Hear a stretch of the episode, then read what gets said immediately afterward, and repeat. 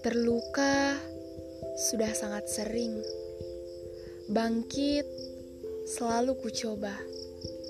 Kalau bisa, habiskan jatah gagalmu saat itu juga.